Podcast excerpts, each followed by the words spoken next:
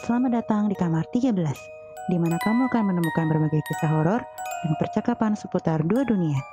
Podcast ini diperuntukkan bagi kamu yang berusia 17 tahun ke atas. Jangan lupa matikan lampunya dan selamat mendengarkan.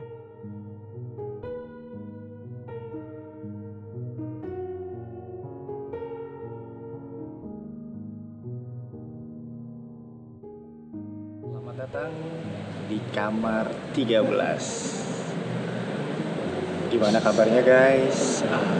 Harap kalian semua pada baik-baik aja ya Yang lagi sakit gue doain semoga cepat sembuh Buat teman-teman yang mungkin belum dapat kerjaan gue doain semoga rezekinya lancar dan yang paling penting adalah eh semoga pandemi ini segera berakhir ya. Amin. Eh, sebelum kita memulai podcast, gue mau ngasih tahu nih kalau untuk episode kali ini kita record di outdoor ya di luar ruangan. Jadi mungkin nanti kalau ada noise atau ya suara-suara yang nggak semestinya masuk ya mohon dimaklumi ya. Dan kali ini gue nggak sendiri. Gue lagi sama temen gue. Kenalin namanya siapa? Selamat malam dan Iya. assalamualaikum. Nama Waalaikumsalam. gue Adi Setiawan. Kalau di IG cari aja Ed Setiawan Adi promo itu wajib Tetep tuh. promo. Tetep wajib promo. Iya sih. Itu wah pakai jual kata. Iya. Tapi gue udah menikah. Iya. buat cewek-cewek penasaran. So iya banget ya. Kebetulan eh, gue satu kerjaan sama Bro Glenn. Cuman waktunya jarang ketemu ya bro. Jadi Wah susah banget. Iya, jadi baru kali ini bisa Baru kali ini bisa ha, ikutan sharing. Iya, Oh, sharing. Semoga penonton eh pendengarnya makin banyak. pendengar ya. Amin, amin, amin, amin. Nah kali ini lo mau sharing tentang apa deh? Nah, jadi punya pengalaman waktu pendakian. Kebetulan gue hobi Hmm, sebelum menikah itu Ah, naik gunung, Ah. camping, traveling gitulah cuman outdoor gitu gitu. Nah waktu itu tahun 2015 gue sama teman-teman pendakian ke Gunung Semeru.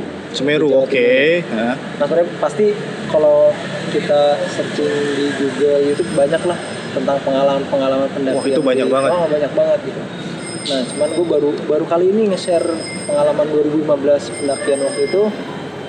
Jadi eh, sama teman-teman kita melakukan pendakian ke Semeru kebetulan sampai kita langsung aja sampai Ranupani itu udah sore. hmm, Jadi Ranupani itu desa terakhir di Bromo Tengger Semeru gitu. Ah. Jadi sebelum melakukan pendakian kita istirahat nih Istirahat. di Ranupani. Karena itu desa terakhir dan kebetulan udah sore juga.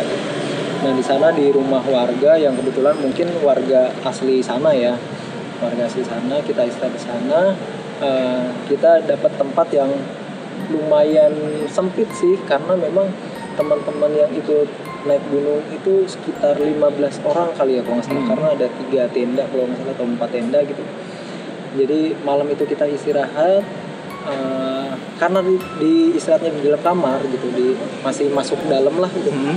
gue nggak nggak pakai jaket nggak pakai sleeping bag karena ngerasa udah hangat karena bener-bener depet-depetan tuh Mhm. sempit lah gitu tapi nyaman lah untuk tidur nah kejadian pertamanya itu sebelum pendakian di situ justru di bawah itu sebelum pendakian itu di tempat eh, di rumah warga itu malam-malam gue ngerasa tiba-tiba dingin gitu mungkin Mhm. karena memang nggak pakai Nggak pakai jaket atau jaket, sleeping ah. bag ya. Nah, lampu juga gelap. Gue mau ngambil eh, jaket atau sleeping bag itu di carriel gitu. Kebetulan carrielnya agak jauh dari tempat gue tidur.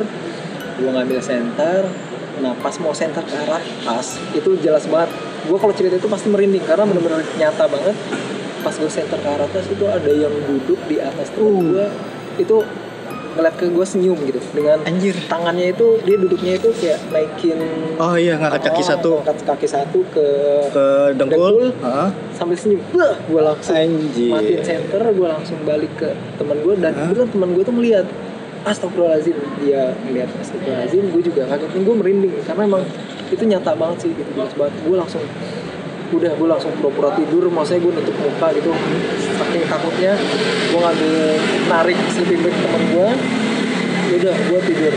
Nah tidur akhirnya udahlah tidur tuh cuman di mimpi itu gue sampai sampai sampai ngigo gitu. Karena di mimpi itu gue lagi di daerah situ juga. Mhm. kebetulan di tempat stay kita itu di dekatnya tuh ada musola sama ada kayak balai gitu ya. Oh, Kayak, balai, ha, ha. eh, cukup gede lah gitu. Rata-rata pendaki itu istirahatnya di balai situ di tenda gitu. Nah gue mimpi di situ gue lagi di kamar mandi terus gue ditarik. Itu di mimpi ya di mimpi itu gue ditarik keluar musola set, sampai pas di luar musola gue ngeliat ada tiga poci. Iya. ini di mimpi ya Iya, iya, iya. wah gue sampai bangun karena mimpi gitu kaget. Akhirnya gue deg-degan lah gitu akhirnya tidur lagi ternyata mimpinya masih tempat di situ juga Hmm. gitu di mimpi itu akhirnya di mimpi itu lagi gue ngeliat di sekitar tempat eh, penginapan itu ternyata ada makam itu di mimpi ya Hmm. ada makam eh, makam banyak lah makamnya itu benar-benar belakangnya tempat tempat gue istirahat itu rumah warga itu gitu. Udah akhirnya gue eh, ketika paginya gue sama teman-teman mau ke arah musola untuk cuci muka, eh, cuci muka terus mau siap-siap lah gitu. Gue cerita sama teman-teman tuh ada tiga orang gitu. Wah semalam gue mimpi posisinya di sini sini sini Ah. gitu. Oh iya gitu, pantas lu teriak gitu karena katanya gue ngigo gitu teriak Hmm. gitu. Gue juga nyadarnya sih gitu, kayaknya sih gue teriak. Akhirnya balik ke arah penginapan itu, ternyata benar di atas itu ada makam. Oke. kalau teman-teman pendengar yang pernah naik Semeru pasti nggak ya pas di Ranupani itu di rumah warga sebelah kiri seberangnya jual aksesoris sama tempat makan itu di atas kan ada makam tuh kalau misalnya mau ke arah jalur pendakian di situ gua kaget ah beneran ada makam di mimpi gua ada gitu ya udahlah gitu gua mau ngelupain itu maksudnya biar pendakian lancar Lancar. Oke, di situ pendakian lancar. Kita udah mulai pendakian itu jam 9 atau jam 10 pagi kalau nggak salah. Kita istirahat di sampai Ranukumbolo, istirahat eh, langsung lanjut langsung Kalimati, Kalimati malamnya langsung summit sampai puncak alhamdulillah sampai puncak semua. Persiapan pulang, kita pulang nih balik ke Hah? arah balik ke Ranupani lagi. Tiba-tiba satu teman eh, nggak bisa jalan, namanya Wow. Mamen. Oh. Sa- panggilannya Mamen namanya Andi. Si Mamen ini tiba-tiba nggak bisa jalan gitu, duduk-duduk dipijit-pijit, benar-benar nggak bisa jalan. Akhirnya kita siap-siap eh, ke arah uh, Ranukumbolo dulu. Rencana kita mau stay dulu, cuman ngejar waktu tuh. Jadi di Ranukumbolo itu udah agak maghrib kalau nggak salah itu ini udah arah pulang gitu Ranukumbolo. Karena mau istirahat cuman takut terlalu lama, akhirnya kita memutusin untuk jalan. Dan teman si Mamen ini eh, sempat digendong sama Mhm. salah satu pendaki juga sama teman juga sampai akhirnya eh, kita berhenti di pos 4 pos 4 itu kelihatan dari Ranukumbolo gitu kita berhenti dan akhirnya mutusin untuk bangun tenda di situ untuk istirahat karena si Mamen ini udah nggak bisa jalan. Kita bangun tenda dua tenda sebagian teman-teman ke bawah langsung turun. Gitu. Langsung turun, karena karena pengen laporan ke ranger Ah. eh, gunung kalau misalnya ada teman yang cedera gitu. Oke lah kita di tenda di dalam pos. Eh di dalam pos 4 itu ya satu satu tenda di dalam pos 4 satu lagi di jalur. Kebetulan gue di dalam tenda yang ada di pos 4 yang di bawah di dalam pos 4 itu. Pos 4 kita tidur karena sempit-sempitan nih. Hmm. akhirnya kita sempat tidur malam-malam tuh ada suara rame. Kita lagi tidur. Ini gue merinding lagi gue cerita ini. Karena jelas banget teman pun kebangun. Oh tuh ada yang nolongin tuh. Hmm. itu ranger tuh ranger tuh. Nah kita pikir ranger. Gue sama teman buka tenda keluar set. Kosong dong. Anjir. nggak ada orang. Oke. Gila. Oke. lu denger kan tadi ada gue bilang sama namanya Uwi lihat denger kan? Tadi ada orang iya rame banget bang gitu. Gue juga denger gitu gitu. Ternyata nggak ada orang sama sekali. Wah udah agak takut juga sih cuman ya udahlah istirahat. Akhirnya istirahat kita eh, sampai pagi pagi eh, lanjutin lah tuh turun dan dakian oh, kita turunnya tuh nggak pagi deh kalau nggak salah agak siangan kalau nggak salah. Mhm. agak siangan Eh, intinya udah sampai Ranupani itu eh, sore gitu. Nah si Mamen ini posisinya udah digendong. Hmm. udah nggak bisa jalan benar-benar digendong. Udah digendong ganti-gantian lah sama teman cuman gue nggak ikut gendong gitu karena ya lumayan capek juga sih. Cuman untung banyak temen yang masih kuat gitu.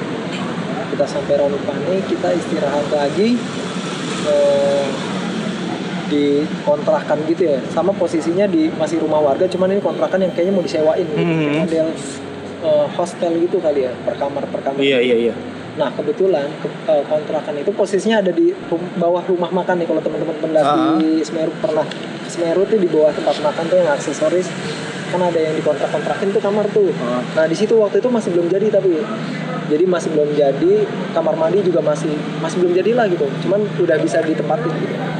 Karena kita cuman istirahat doang tidur semalaman lagi ya udahlah kita tidur di situ istirahat itu nah di situ kena lagi gua malam malam itu uh, tiba-tiba ada yang nepuk uh, Kaki. apa dengkul, Dengkul. karena gue tidurnya ngedirin dengkul gitu loh Oh iya. Ah. Ah. cuman setengah sadar kayak ada yang nyamperin gue uh terus gue kaget gitu Oke. gue kebangun terus gue liat semua masih pada tidur gitu semua masih pada tidur Eh, siapa yang bangunin coba gue nanya teman gue teman gue si Uwi juga Uwi lu bangun gue enggak bang. Serius enggak. Kok jelas banget tapi Hmm. gue nggak tahu apa yang eh, sebelumnya sebelum pendakian yang di rumah warga itu juga atau kan nggak tahu lagi. Cuman di situ gue juga nggak mau mikir macem-macem karena eh, masih panjang lah tuh masih masih di Malang tuh masih agak serem Ya udah akhirnya eh, pagi bangun kita cerita-cerita soal kejadian di atas nah ternyata dapat cerita itu waktu kita istirahat di pos 4 itu beberapa hari sebelumnya di pos 4 itu ada pendaki yang meninggal Oke. jadi dia lagi summit lagi pen- eh, ke puncak kalau nggak salah dia meninggal kena jatuhan batu Hmm. kalau nggak salah ya Oh. itu lupa juga pokoknya meninggal aja dan dia dievakuasi eh, terus jenazahnya ini sempat ditaruh di pos 4 Hmm. di istirahat di pos 4 gitu nah Ah. pos 4 itu tempat kita yang eh, istirahat eh, satu malam itu nah di situ udah udah mulai agak ini juga sih agak nggak mau cuman nggak mau pikirin ke situ lagi gitu Hmm. sampai akhirnya kita bahas eh, kenapa Mamen itu nggak bisa jalan gitu Mamen belum cerita waktu itu Mamen belum cerita kenapa dia kondisi dia cuman eh, pegel gitu katanya pegel berat banget katanya. Eh, udahlah gitu. Sampai akhirnya pulang tetap sampai kereta di Malang itu posisinya masih digendong. Dia tangan dia tuh kayak apa ya kayak begini gitu terus. Oh kaku. kaku gitu. Kaku, apa sih? kayak sakit apa ya? Ya begitulah Kayak- gitu. kayak- kayak tangannya stroke. kayak stroke. Stroke Iya, gitu, kayak stroke gitu tangan nekuk. Terus eh, ngomong sih bisa jalan jalan kayak pincang-pincang gitu. Aduh sorry jalan kayak pincang-pincang gitu gitu. Udah akhirnya eh, besokannya udah sampai rumah dia cerita gitu. Kalau misalnya eh, pas waktu dia di lupa di daerah Kalimati atau apa tuh dia kayak ada yang dudukin gitu. Kayak ada yang meluk atau dudukin gitu. Dan memang eh, dia punya riwayat keluarga yang bisa, bisa Oh, punya kelebihan. punya kelebihan gitu. dan memang dia katanya menggendong Oh. menggendong gitu. Nah memang ada teman-teman akhirnya udah sampai rumah itu kita kumpul beberapa teman emang sempat katanya ngeliat ada yang gue kalau cerita ini merinding Hmm. karena emang ini banget sih. Nah pas ada yang cerita iya waktu gue gendong Bang Mamen, nah kebetulan Bang Mamen ini kecil orangnya kurus gitu, kecil kurus dan paling beratnya paling berat tuh 50 kilo kali ya, nggak terlalu berat lagi. Pas gendong Bang Mamen, kalau misalnya udah gendong nih terus kayak ada yang Ada yang nambahin. lagi, ah. kayak ada yang nambahin lagi. Aduh, nah kebetulan yang gendong ini orangnya agak agak gede juga gitu. Jadi dia ngerasa Yang kok ada yang naik lagi ya dia. secara naik, logika kok- pasti Ah, lebih kayak- kuat gitu kan. Iya lebih kuat gitu. Hmm. Karena dia ngerasa pas dia gendong Mamen terus ada yang naik lagi. Dikiranya tuh ada yang iseng teman-teman yang lain yang gan- ngantung gitu lah atau loncat ke punggungnya juga ternyata enggak. gitu. Nah itu dia. Cuman kalau menurut gue gue nggak pernah eh, mikir ke cerita-cerita yang kayak gitu sebenarnya kalau misalnya lain- lagi naik gunung gitu Hmm. nggak mau mikir ke situ soalnya justru takutnya Malah kejadian. malah kejadian Iya. gitu malah kepikiran terus padahal tujuan kita pendakian kan kayak nikmatin alam Ah. kita pengen ngopi ngopi-ngopi lah gitu Iya, di refreshing hari itu. lah gitu. nah ini berlanjut ke pendakian selanjutnya Hmm. jadi ya, inti dari Semeru itu ya maksudnya gue ngambil inti-intinya aja gitu. Hmm. nggak nggak perlu cerita yang pendakian mulai dari Iya. mana gitu. Ini berlanjut eh, bersambung lah gitu. Ketika kita pendakian akhirnya ke Gunung Gede. Mhm. nah si Mamen nih ikut lagi. Ikut lagi. Kita pendakian ke Gunung Gede waktu itu sama teman beberapa teman sama juga waktu ke Semeru. Ini ini kejadian sama eh, yang ngalamin si Bang Mamen juga. Eh, kita pendakian ke Gunung Gede eh, dari jalur Putri Cianjur itu sampai eh, puncak gunung lah masih aman lah. Cuman pas persiapan mau turun si Mamen ini lagi-lagi eh, kakinya nggak enak katanya. Hmm. kakinya nggak enak. Kakinya nggak enak kita turun akhirnya eh, udah sampai kandang badak itu posisinya mau turun. Si Mamen ini benar-benar udah nggak bisa jalan sama sekali. Dan akhirnya lagi-lagi digendong.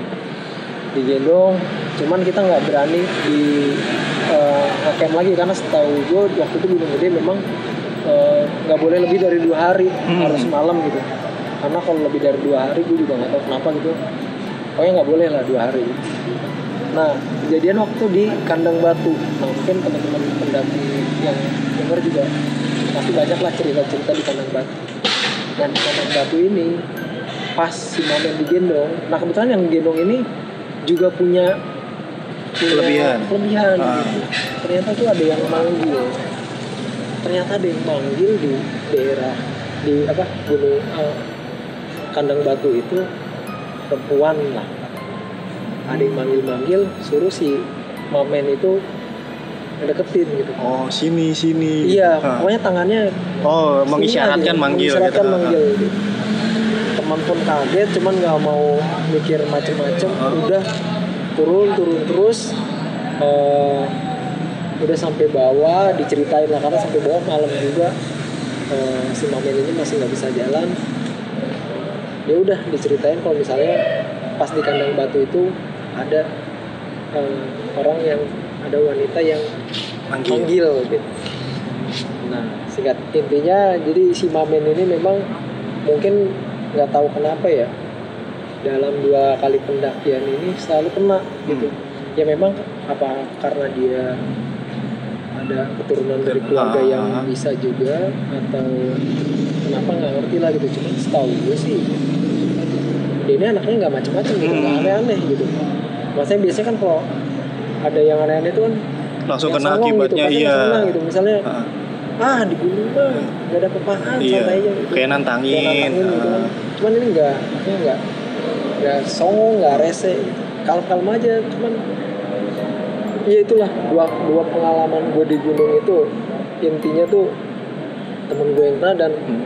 ya buat gue sih waktu yang di Semeru ini lebih lebih lebih lebih wow berasa sih, juga ya iya. karena walaupun nggak terlalu ya jangan sampai juga sih ya nggak Hmm. terlalu kelihatan banget eh, pas mulai pendakian sama selesai pendakian justru alhamdulillah sih adanya di situ bukan pas Ah. di perjalanan. perjalanan Ah. gitu Memang perjalanan paling suara itu doang gitu.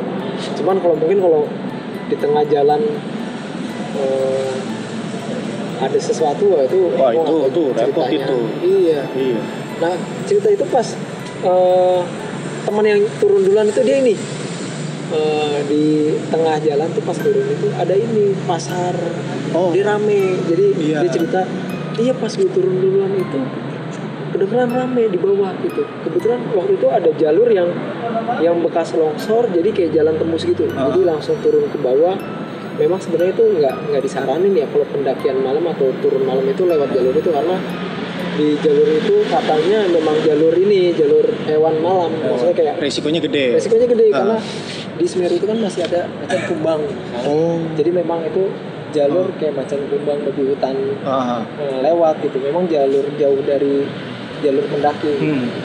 nah di situ beberapa temen ada yang dengar rame. Hmm. rame kayak pasar lah Ah. gitu. Cuman buru-buru lari gitu. Maksudnya biar ke rame Biar- itu apa sih gitu. Ternyata Ah. sampai bawah sepi. Udah hening gitu. Nah dari itu langsung pada buru-buru lari. Nah kebetulan emang yang yang duluan ini udah udah pro lah ya. Saya udah udah sering naik udah, udah gunung, apa jalur lah. Fisiknya pun udah Ah. udah oke banget. Kurang lebih sih itu sih bang. Itu gue yang denger cerita apa yang lo nyenter keril oh iya iya, iya. itu itu anjir gue kalau di posisi lo tuh gue itu mungkin refleks gue sambit center kali Nah, kalau saking kagetnya gue kaget banget gitu karena posisinya pas gue ngambil center temen yang sebelah si Hah? itu kena mukanya nih maksudnya Oh iya iya nggak sengaja. Silo, gitu. Iya iya. ada ngapain sih bang Nggak nggak sengaja kesorot gitu. Oh, mau ngambil ini nih jaket pedikit banget gitu kamu center lu kena gua nih gitu sorry sorry sorry dia kebangun lah nah pas gue minta pegangin itu kesorot lah ke arah situ itu gue itu bener-bener nyata banget Cowok cewek? cowok kayak Cowok kayak kayak bapak-bapak gitu lah tapi nggak bapak-bapak juga ya pokoknya cowok aja dan itu bener-bener jelas dia tangan dia di Iya, kayak- duduk sambil kaki satu ini gitu. jelas Ah. banget ini jelas banget itu jelas jelas Iya. banget jadi gue langsung astagfirullahaladzim gue nggak jadi ngambil jaket gue langsung itu gue merinding apa ya. Bener kalau cerita Itu merinding. itu merinding banget karena emang Itu ngagetin. heeh. ngaget banget kena center bro Yang tadinya gelap gitu kita Gelap, nyorot atau ada sosok. itu, nah kebetulan yang itu kan yang lagi tidur di situ kan cewek namanya Nindi nah si Nindi itu katanya emang lagi kebetulan lagi datang bulan Oh. pas itu gitu. Oke. Nah, ya kan kalau katanya kan Katanya. kalau yang datang bulan itu darahnya wangi gitu ya. Iya. Nah, gue juga baru tahu juga kalau misalnya si itu lagi lagi hate gitu. jadi ya mungkin lagi wangi buat mereka-mereka itu ya jadi posisinya sih iya Heeh. posisinya sih kayaknya tuh dia dudukin si Nindi ini gitu Hmm. kelihatannya gitu karena memang eh, dia itu di depan posisinya di depan keril Aha. posisinya di depan keril gitu nah maksudnya di depan keril itu pas Nindi si Nindi ini tidur Tidur. ah. Nah, pas Nindi tidur jadi kayak posisinya dudukin si Nindi Kayak kayak nungguin ke arah gitu. gua duduk gitu. Anjir. Astaga, itu itu paling jelas sih gitu. Sama yang Pocinki itu Nah, wah Poci itu mimpi. meskipun mimpi tapi nah yang gue heran itu. mimpi itu di mimpi itu posisinya ya di lokasi yang itu tempat gue ah, istirahat gitu loh. Itu yang gue heran dari posisi musolanya terus balai-balai tempat istirahatnya sama makam yang ada di atas eh, tempat istirahat Ah. itu itu di mimpi. Nah sebelum pas gue nyampe eh, rumah itu gue nggak ngeh ada makam karena emang udah agak gelap gitu. Gue nggak ngeh. Intinya gue baru ngeh itu di mimpi pas gue bangun paginya ngeliat ke belakang rumah. Ngeliat ke belakang rumah rumah tempat istirahat itu ada ada makam. Itu sih itu yang gue heran sebenarnya itu sempat mengganggu pikiran juga ya karena pasti. ini gue belum mulai pendakian kok udah Tapi udah kayak diteror. Iya. Iya, ya mental pasti sempet down lah ya. sempet down gitu Ah. cuman kalau gue nggak ikut naik karena kan yang ngalamin itu nggak semuanya gitu kalau yang- kalau gue cerita, gue cerita pun sebagian yang ah cuma mimpi doang Iya. kayak gitu gitu jadi kayak ya udahlah gitu oh ini kan kita rame-rame inilah gitu. 15an kayaknya deh lebih ya gue pikir nggak akan ada masalah sih di, di jalannya gitu kalaupun ada sesuatu selagi masih rame-rame ya aman lah gitu ya cuman ya akhirnya yang kena ya si ramen itu temen gue yang Yang punya kelebihan iya itu. yang kemudian itu gue juga nggak tahu kenapa Eh, beberapa kali naik gunung sama dia dia selalu Selalu yang kena. sampai akhirnya kan setelah itu kita teman-teman mutusin nggak akan ngajak dia lagi Karena pasti ada kejadian yang takutnya takutnya, Iya. takutnya ada kejadian yang aneh-aneh gitu. kurang lebih sih gitu sih ya kalau waktu Tahu Iya. gua eh, ini koreksi ya kalau gue salah ya. siap Eh, biasanya orang yang punya kelebihan seperti itu eh, mereka mereka dalam tanda kutip ya mereka tuh tahu oh gitu oh orang ini punya kelebihan nih Hmm. biasanya sih gitu setahu gua mereka Oh, lebih lebih apa ya mungkin menurut mereka auranya beda mungkin mungkin menurut mereka wah nih orang ini bisa ngelihat keberadaan kita nih gitu. Iya. Biasanya sih gitu setahu gua. Bisa jadi kali ya karena setiap di tempat kayak gitu si Mamen ini selalu nemuin. Oh, eh, ini kita ngomongin Mamen jadi kayak gibah ya. Ngomongin orang gitu. Padahal tapi itu nggak ngomongin yang jelek-jelek cuman sih. Ah, ya karena ini sharing. sharing aja Sharing. berbagi Ah. pengalaman. Teman gue kebetulan memang lagi sama gue juga gitu jadi Ah. bukan bukan cerita yang ada-ada karena Iya. perginya bareng kalau cerita tentang seputar alam sih gue juga pernah sih sekali deh gitu kan Bang. Eh gue lupa namanya apa sih kalau masuk gua Kevin ya oh betul. ini ini belum pernah gue ceritain jujur aja Eh mungkin yang satu kampus sama gue satu kelas sama gue itu pasti tahu kalau gue pernah apa ya pernah hampir pingsan sih waktu itu kan Hmm? jadi itu gue lupa nama goanya apa. Tapi itu di wilayah Bogor di kawasan Oke, Bogor. Betul. Sentul kali, bukan? kan gue lupa. Oh, itu awalnya emang gue nggak mau ngikut deh.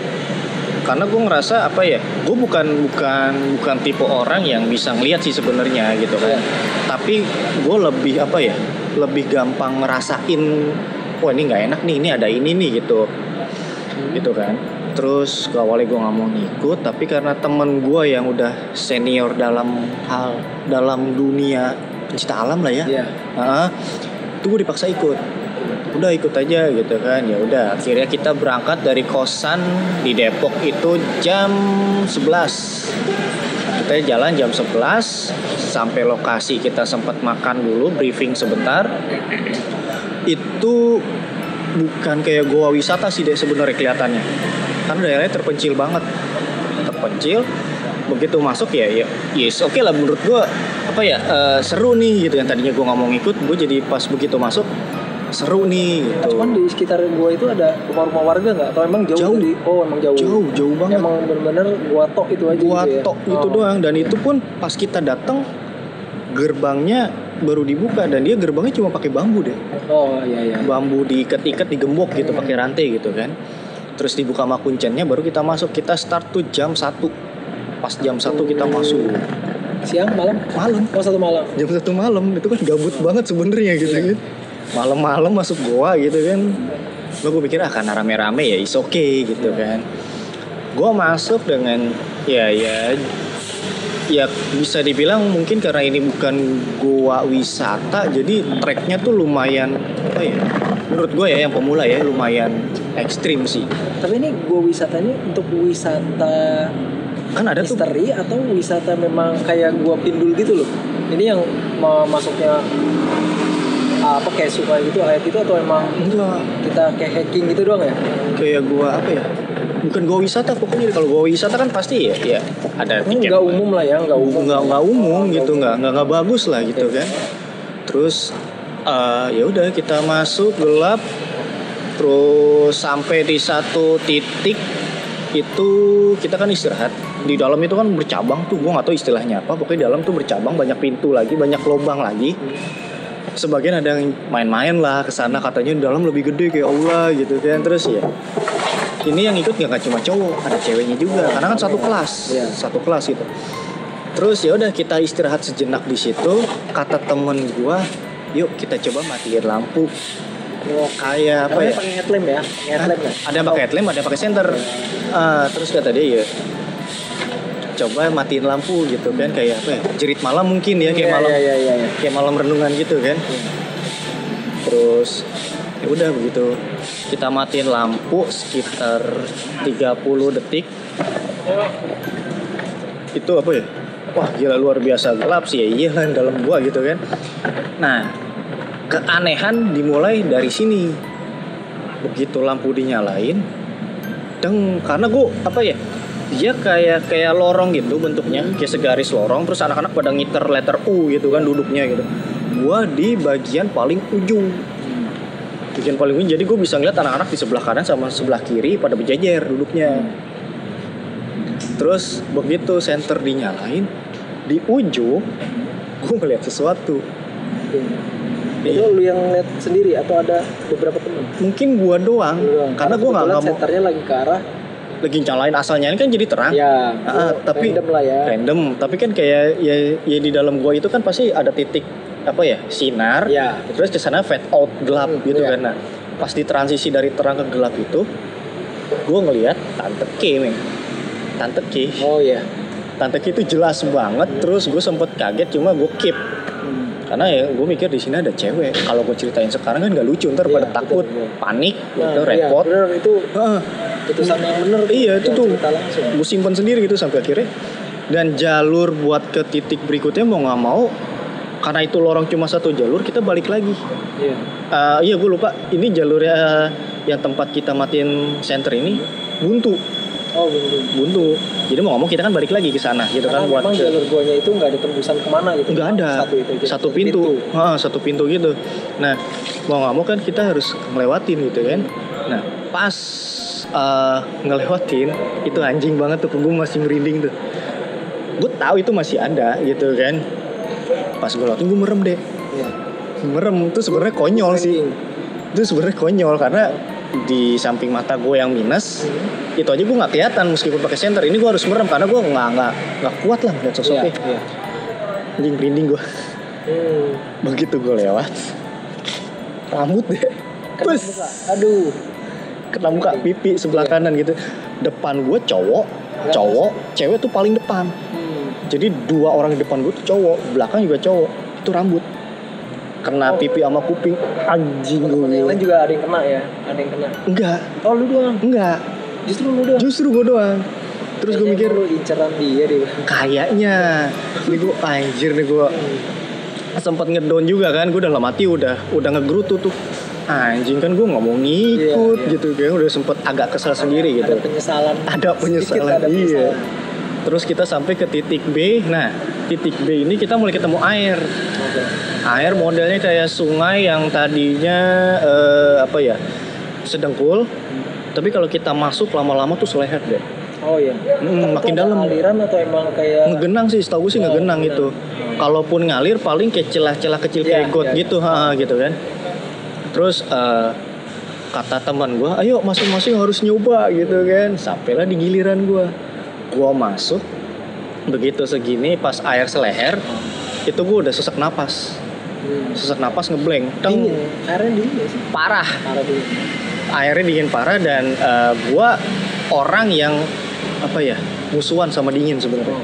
gue paling gak kuat sama dingin gitu kan ya mungkin gue mikirnya bukan bukan apa ya pas gue ngeblank gitu gue mikirnya karena oh gue nggak kuat dingin nih akhirnya gue badan gue kalah gitu kan gue kayak mau pingsan terus akhirnya gue dibopong gue dikasih oksigen buatan apa tabung oksigen gitu Oksigen. ha.